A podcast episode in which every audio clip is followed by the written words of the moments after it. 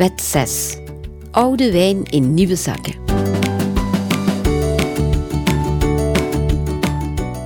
Hallo allemaal, ik ben Lieve Swinne.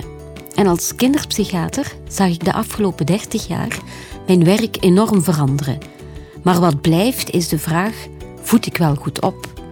Mijn antwoord daarop is: ouders, leerkrachten en opvoeders hebben iets in handen wat hen ongelooflijk sterk maakt, namelijk zichzelf. Die eigen mogelijkheden inzetten leidt tot kracht. Bij opvoeden moet je voelen, denken en doen. Aan de hand van zeven wetten, een aantal zekerheden die er ook voor opvoeden bestaan, maak ik dit in mijn boek getiteld Op eigen kracht duidelijk, overzichtelijk en praktisch bruikbaar. Pipi Langkous vergezelt ons. Ik heb het nog nooit gedaan, dus ik denk dat ik het wel kan. Oh ja, dat zit er dik in, zei Pipi. Want oma knapte ook op. Ze had later nergens meer last van, want ze nam een kalmerend middel in. Welk middel was dat? vroeg tante Laura nieuwsgierig. Vossengif, zei Pipi. Eén afgestreken lepel vossengif, dat is wonderen. Echt waar. Daarna zat ze vijf dagen doodziel, zonder een woord te zeggen. Zo kalm als een pudding. Nergens meer last van, geen gespring en gegeel meer, al regenen de dakpannen op haar hoofd. Ze bleef zitten en voelde zich kiplekker. Dus je kunt best opknappen, tante Laura, want dat deed oma ook. Veranderingen, nieuwigheden zijn welkom. Tenminste wanneer ze niet te veel gepaard gaan met onzekerheid.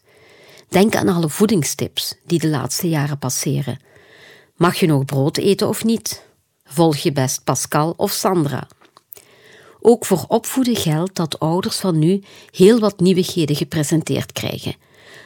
Bijvoorbeeld in visies. Denk aan het begrip nieuwe tijdskinderen, maar ook in handelen.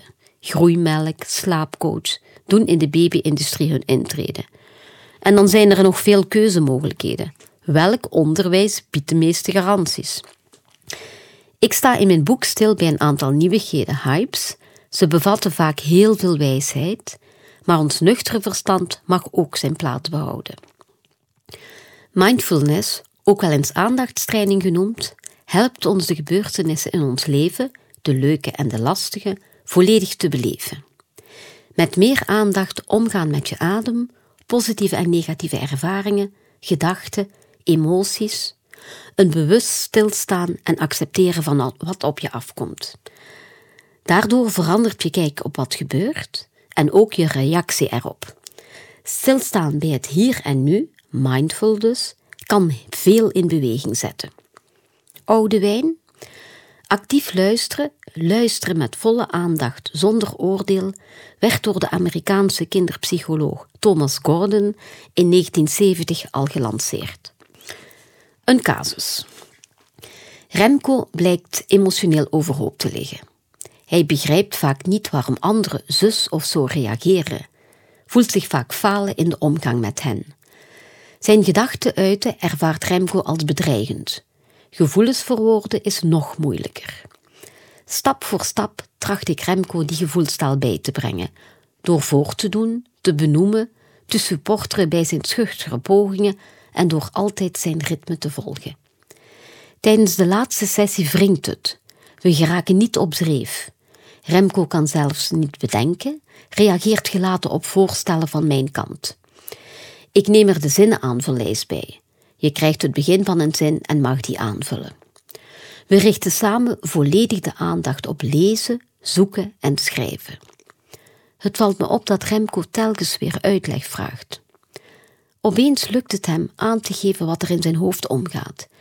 Ik weet wat dat woord betekent, maar ik moet het vragen om zeker te zijn en het lukt hem stil te staan bij deze ervaring.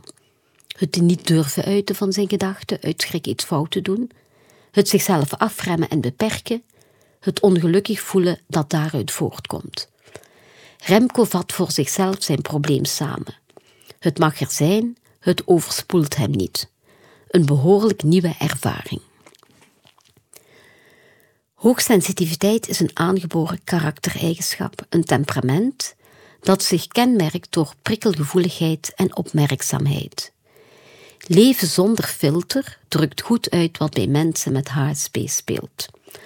Alle prikkels komen even fel binnen, zowel de positieve als de negatieve.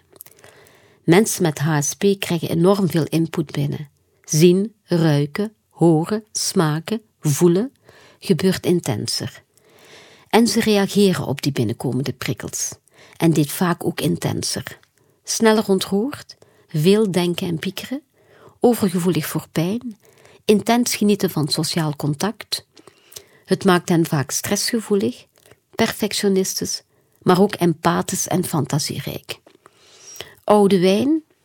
Denk aan het begrip goodness of fit.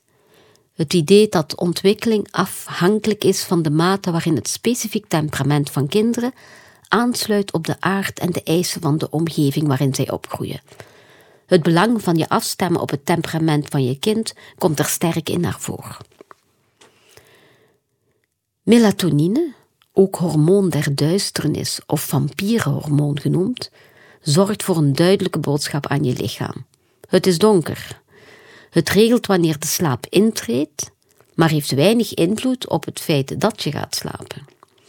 Meer en meer geraakt het gebruik ervan ingeburgerd. Terecht of onterecht? Samengevat in vijf termen wil deze wet dus zeggen: hypes, haal eruit wat werkt, maar gebruik je gezond verstand.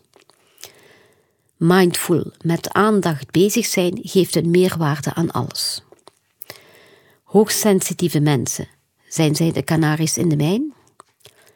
Mild opvoeden, op zoek naar verbinding en wees je bewust van slaapverstoorders. Heel wat informatie om te verwerken, maar je kan alles en nog veel meer nalezen in Lieve Swina haar nieuwste boek, Op eigen kracht. Het boek wordt uitgegeven bij Van Halenwijk en is nu overal beschikbaar.